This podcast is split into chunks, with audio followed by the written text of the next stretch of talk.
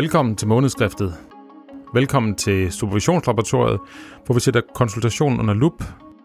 Og velkommen til jer to, Helle Therese Kirkegaard og Jan Helge Larsen, begge to praktiserende lærer og erfarne supervisorer. Tak.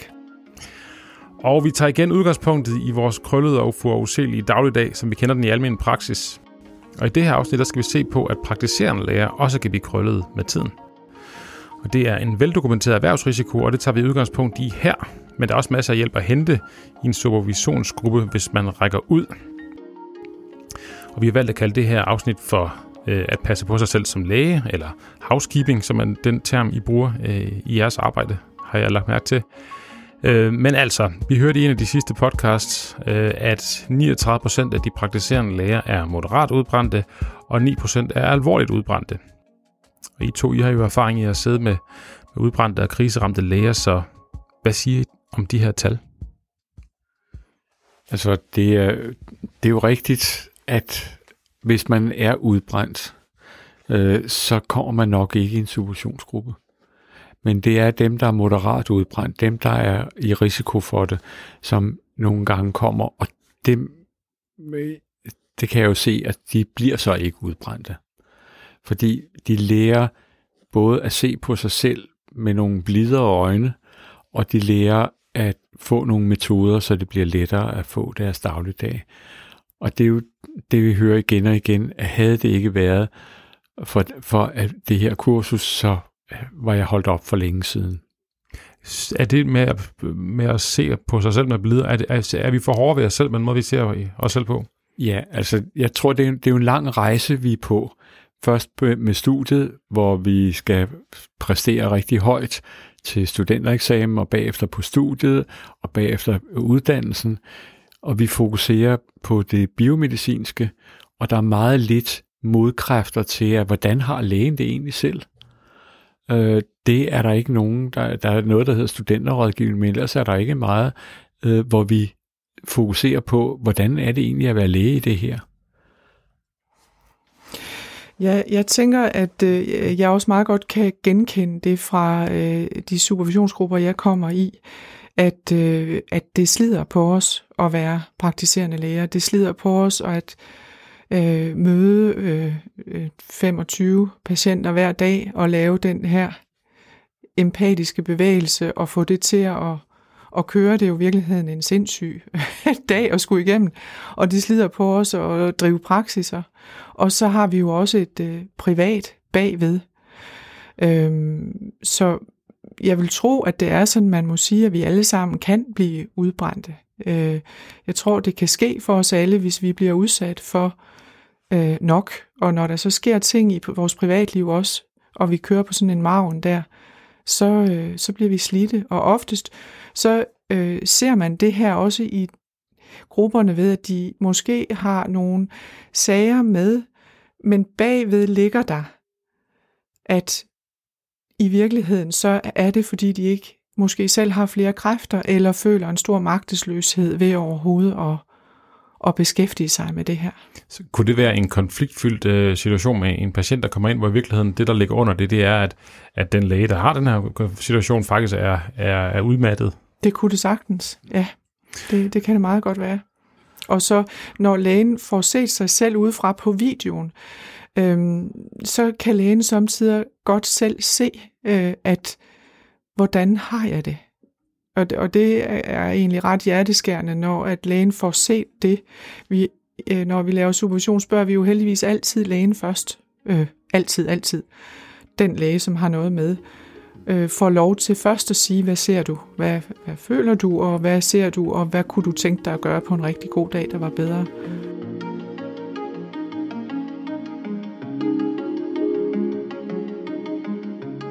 Men der er jo også det, øh, der slider på en, nemlig at man er så, der er så meget gevinst ved at være læge. Mm. Altså det er jo fantastisk, når patienterne de øh, roser en og takker en og kommer med gaver og alt muligt. Altså der er, der er så... Ja, ja, og så er der økonomi og sådan noget. Der er mange ting, der gør, at det, man holder rigtig længe fast, også selv ud over de kræfter, man egentlig har.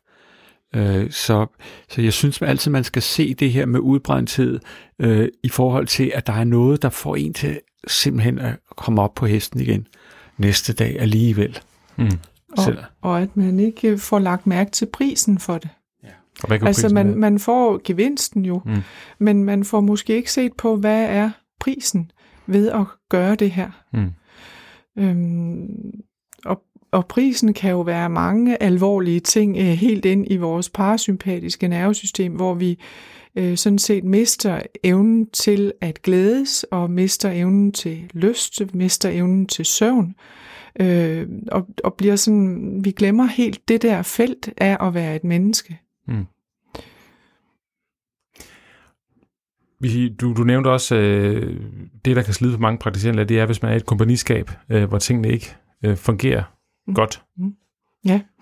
Jeg tænker, at der er, er der øh, sådan to øh, lidt arketypiske problematikker. Dels så kan der være noget, hvor at, at samarbejdet er gået skævt. Jeg øh, hørte også Heidi Bølunds øh, podcast med dig, hvor hun rigtig godt fortæller om, at det der engang gjorde, at vi var vilde med hinanden, og forskellige vi var, øh, og det gav os glæde, og vi tænkte, vi er et godt team, du kan det, det kan jeg ikke, hvor er det godt, du kan det. Øh, det kan blive væk efter mange, mange års mikrohændelser, hvor man ikke får snakket om det, og så begynder man pludselig at blive irriteret på mm. forskelligheden. Det, så det, der er noget relationært der i kompagniskabet, som øh, øh, samtidig gør, at folk næsten de holder op med at tale med hinanden, og det er naturligvis ødelæggende for dagen. Og den anden ting, der kan være, det kan være, at lægen selv øh, kommer til at placere sig i et liv, øh, i nogle roller, som udmatter lægen, og lægen opdager det næsten ikke. Lægen vil så gerne, det hele skal spille, men det er måske ganske udmattende. Og hvad, hvad kunne det være for nogle øh, situationer, som lægen sætter sig i? Der kunne jo godt være en læge, som også i et stort kompagniskab arbejder som personalechef, og har nogle af de rigtig svære ting der, men som måske har svært ved det, ikke lige er bygget til det, eller hvor, at, øh, hvor vedkommende ville være bedre placeret som økonomiansvarlig. Det kan også ske, at lægen tænker om sig selv, at han eller hun har en 4-5 dages uges arbejdsevne oveni, at han hun skal drive en praksis oveni, at han hun skal være lægevagt. Og det er jo en stor mundfuld for de fleste. Og øh, vi sad og snakker om, at det tager lang tid at brænde læge ud. Og noget af det, som du snakker om, Jan, det var, at, at, at, at det, det, det, der slider på os, det er sådan en masse mikrooplevelser, man får. Ja, og det er jo, det, det er jo meget de enkelte konstallationer. Altså, at man de, de der 25-30 gange i løbet af en dag oplever, at man øh, kommer på minus, mm. når man har siddet og, og talt med en patient. At man synes, at, øh, at det, man øh, får gjort, det var sgu ikke godt nok. Der var noget, som jeg burde have gjort. Der var noget her, jeg burde have gjort.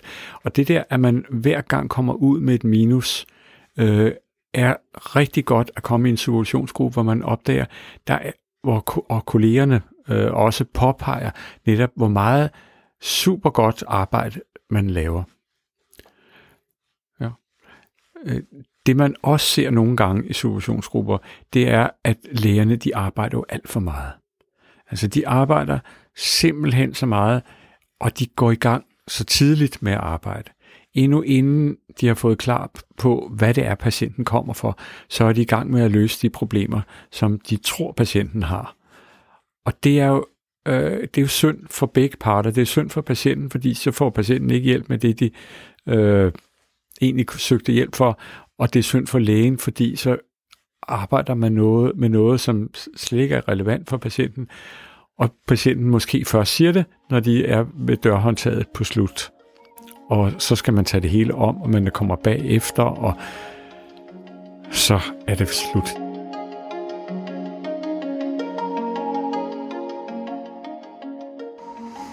Altså når det gælder det her med, hvis man har at gøre med øh, en af vores kolleger, som sidder og har det svært, så er der jo, som vi har sagt nogle gange, lang tid til, at vi bryder sammen, fordi vi er ressourcefyldte mennesker. Ellers så havde vi ikke gjort det, vi havde gjort. Så det tager også lang tid for os at vise, at vi ikke øh, dur mere, eller vi er bange for, at vi ikke dur mere, bare fordi vi halter lidt.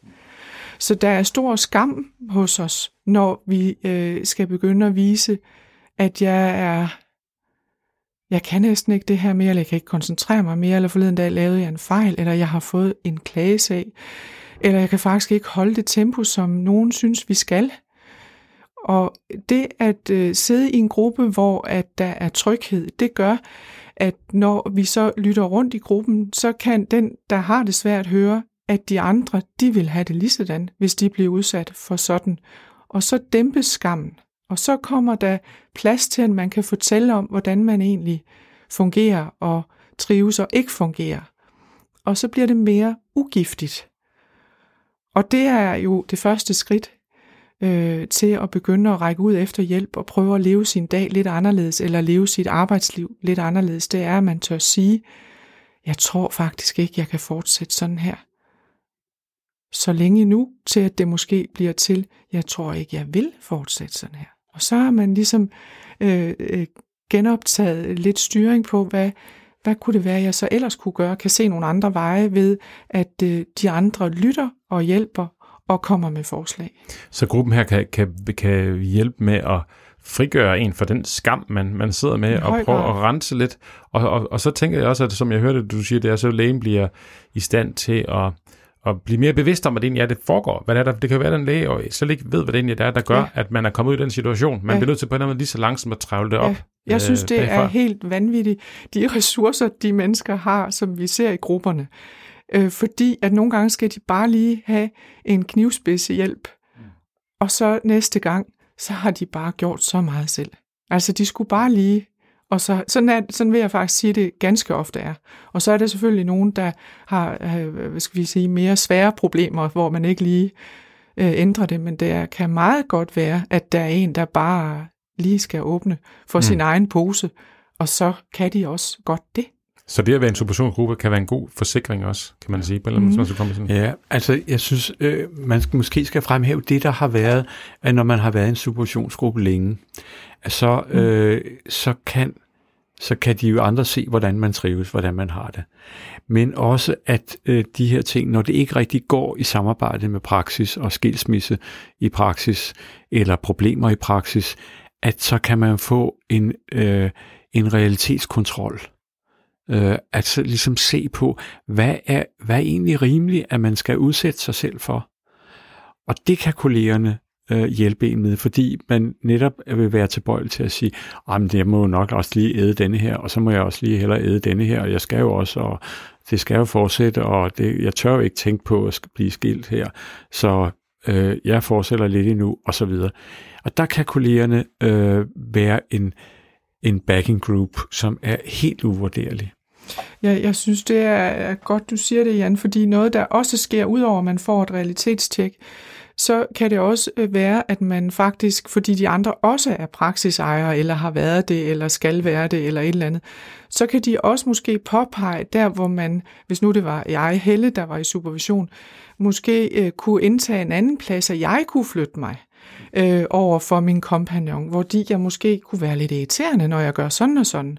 Så der er plads til, at de andre kolleger, for de er jo ikke i kompagniskab med Helle, mm at de andre kolleger så kunne sige, jamen Helle, når du gør sådan der, så får du den anden til at føle sig mindre værdig, eller du tager det fra ham, eller sådan et eller andet.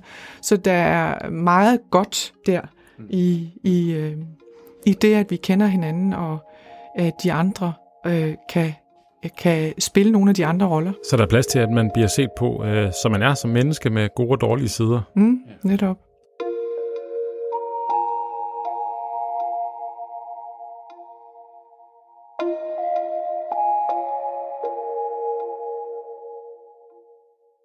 Og Jan, jeg ved, at du har, du har snakket og på det, som det der med at dosere sig selv.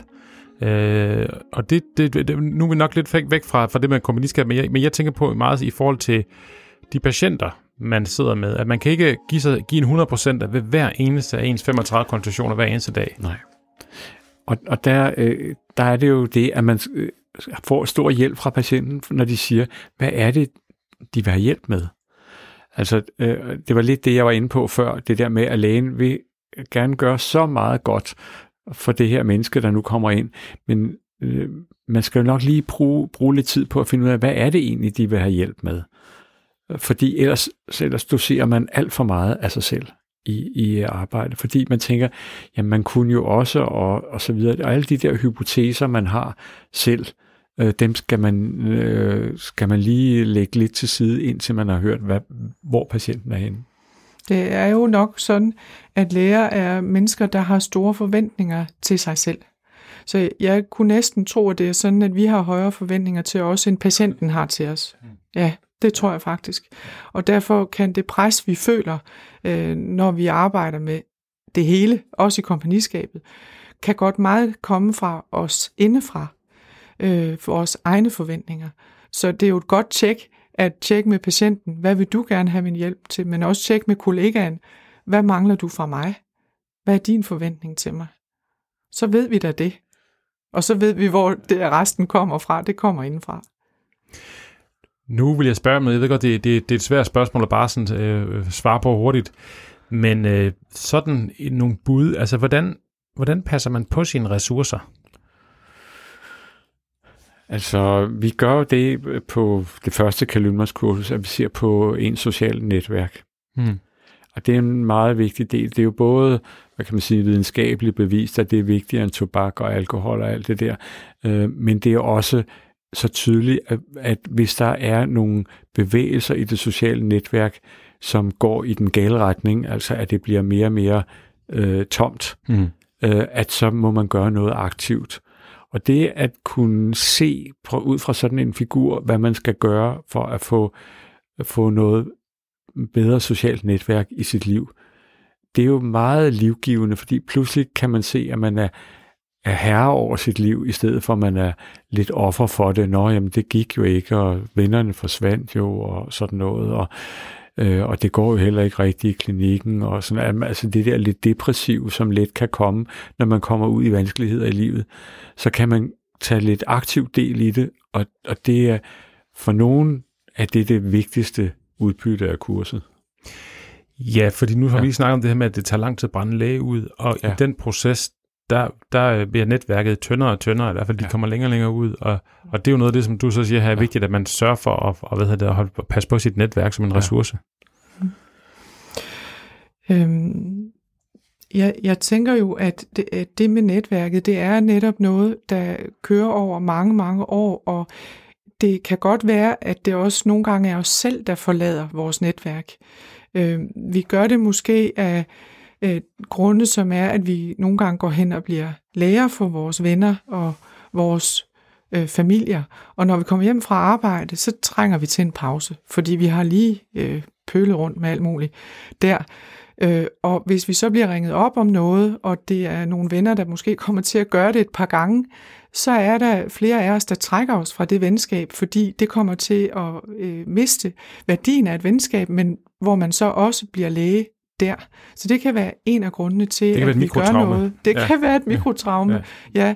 Og så er vi jo også nogen, der er på arbejde på de tidspunkter, hvor andre måske holder jul, eller, eller holder et bryllup, eller sådan noget. Der var vi bare ikke med. Hmm. Øh, så der er, der er mange grunde til, at man kan se, at nogle af de øh, mennesker, der har været læger i mange år, de, øh, de har ikke så meget netværk, og netværket ligger inde i deres fag. Det er dem, man går på arbejde med.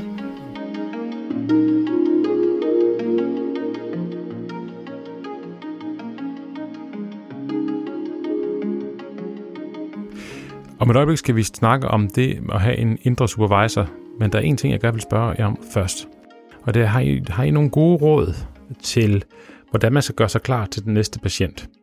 Vi talte i vores øh, nummer to podcast omkring det her med, at der sker rigtig meget i begyndelsen af en konsultation. Specielt hvis lægen ikke har tømt sit hoved for det, der foregik før. Øh, hvordan gør man sig klar til den næste patient? Altså det ene, det ene man gør, det er at få afsluttet den foregående patient, altså den patient, man er i gang med, ved at spørge, øh, Nå, hvad tager du der så med dig her fra vores snak her i dag? Og det er selvfølgelig ikke, hvis det er en simpel halsbetændelse, man skal spørge om det, men hvis man kan mærke, at vi har været rundt om forskellige ting, så vil man ofte overraskes over, øh, hvor lidt patienten faktisk tager med. Og det er også en erkendelse, som som førte, førte mig til det der med, at vi arbejder for meget. Fordi det er altså begrænset, hvor meget en patient kan tage med fra et enkelt møde. Jeg kender det også selv, når jeg har været hos lægen, at jamen, en eller to ting kan man have med, og så er det det. Øhm, så får jeg jo også, når jeg har spurgt patienten om det, så får jeg jo også noget at vide om, om patienten er tilfreds med det her. Og, og meget tit så får man jo netop det positivt. Ej, det var så godt at snakke med dig. Det var simpelthen så øh, dejligt, at du lyttede til mig, og det var et godt forslag. Nu ved jeg, hvad jeg skal gå videre med, og så videre. Så har jeg, så har jeg fået plus på min egen konto til den næste patient. Fordi ellers ville jeg være tilbøjelig til at sige, at jeg skulle måske også, og alt sådan noget. Det er ligesom sådan kontemplation, eller sådan noget, man har der efter patient. Ellers så er det jo også lige at tænke, øh, og det er det, vi kalder housekeeping, øh, det er lige tænke på, hvad har jeg brug for nu, når jeg er færdig med den her konstellation? Hvad har jeg brug for? Har jeg brug for at gå ud og tisse, eller har jeg brug for noget at drikke, eller noget at spise, eller at ringe hjem og høre, hvordan øh, mit syge barn har det, eller sådan noget. Øh, så jeg kan være fuldstændig til stede, når jeg siger goddag og velkommen sidde ned til den næste patient. Så det at få en ordentlig closure på den sidste konsultation, man har haft, ja. og så det indimellem lige at være, mærk, være opmærksom på, hvad det har jeg nogle behov lige nu, som ja. jeg bliver nødt til at håndtere, inden jeg går videre til den næste patient. Har du nogle bud, Helle? Det noget, er, er, som er rigtig vigtigt, det er, at øh, vi har selvfølgelig også nogle rettigheder. Vi har, og det er rigtig vigtigt at beslutte med sig selv, at mine behov har også ret til at være her. Jeg skal være okay. Også selvom nogen må vente på mig.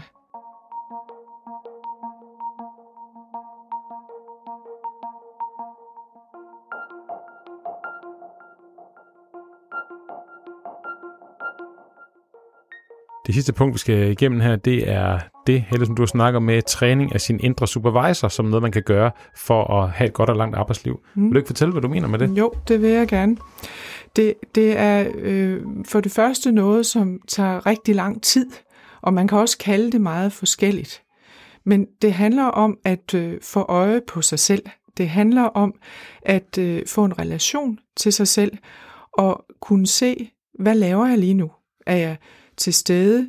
Øh, tænker jeg på, da jeg afleverede et grædende barn i morges? Øh, er, der, er der noget, der generer mig? Og hvis der så er noget, der generer mig, så tag på det. Øh, så kan det være, at man får øje på dem. Jeg er her. Jeg er, det er fint. Øh, nu kommer der en patient ind, jeg byder velkommen. Det er en patient, der taler rigtig meget. Så får jeg opdaget, at det er en patient, der taler rigtig meget. Så kan jeg tage fat i nogle af de ting, jeg kender, så jeg kan få beroliget patienten. Nu har jeg beroliget patienten. Nu kan vi gå videre, sådan at jeg ved, at jeg er, hvor jeg er, når jeg er der. Øh, og det, det gør, at jeg øh, arbejder efter min mening mere professionelt. Fordi jeg, jeg, ligesom jeg sagde før med, hov, jeg kan ikke finde cervix, jeg finder en, en tang. Altså, jeg, jeg bruger nogle redskaber professionelt, så jeg ikke nødvendigvis øh, øh, kører på en, en menneskelig empati, men også bruger en professionel empati. Og så bliver jeg mindre træt. Så når man taler om en, en indre supervisor, så handler det om, at man ligesom har en eller anden stemme, en omsorgsfuld øh, person inde i sig, som lige holder øje med det der, og lige mm. siger, jamen, øh, hvad er det, du går og tænker mm. på lige nu? Er, mm. er der mhm. stadig noget, du, du ikke fik uh, gjort ja. ordentligt færdigt? Ja, man kan kalde det en stemme, ja. og man kan også sige, at det er et kamera, altså et, en, som, hvor man kan sige, at, der, at jeg kan se mig selv udefra. Der er patienten, der er jeg, jeg sidder stille, vi, vi har ro på. Og det Eller kan... jeg fiser rundt. Hvorfor sætter jeg mig ikke ned? Og det, det, det, det lyder jo for mig som en udløber af supervisionsgruppen, at det man egentlig laver i supervisionsgruppen, at man har fokus på det, det tager man med sig, men, men, men, men en indre supervisor, mm. hvor man kan sige, at i supervisionsgruppen, så er der en supervisor, mm. men det er det samme princip, man tager mm. med. Mm. For eksempel kan det være, at også når jeg sidder og så siger jeg til patienten, øh, Nå, men øh, øh, hvor gør det ondt henne? Og sådan noget. Og når jeg stiller det spørgsmål, tænker jeg, Gud, jeg har sgu da glemt at spørge, hvad hun selv tænkte om det her. Og så må jeg altså lige tilbage til det der, eller om det var noget, hun var bekymret for, eller hvad ville hun egentlig have hjælp med. Ikke? Hvis jeg selv ligesom hopper over i lægens del øh, for tidligt, så siger min indre supervisor, hov, du glemte lige patientens del. Nå, så må jeg jo på den igen. Altså, det er jo også lidt det der at ligesom have en struktur, som den indre supervisor øh, siger, nu er du her, og nu er du der. Nu, nu har jeg undersøgt patienten og sådan noget. Nu skal vi til forhandlingen. Så er det fællesdelen og så videre.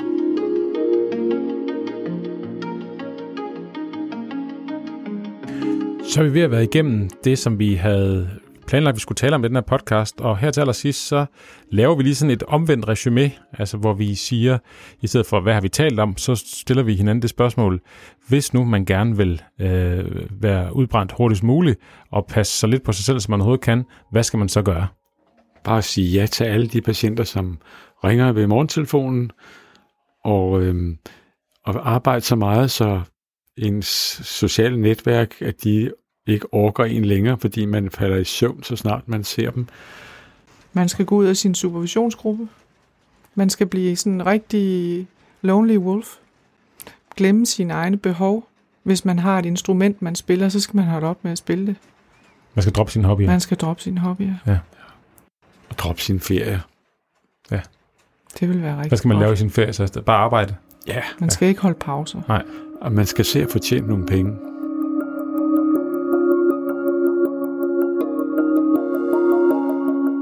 Jan og Helle, jeg vil rigtig sige tusind tak, fordi I vil øh, være med her og gik med til at, at formidle så komplekse stof på relativt så kort tid. Øhm, det her det er jo også en stor opfordring til, at øh, man deltager i en eller anden form for supervisionsgruppe, hvis ikke man gør det allerede i forvejen.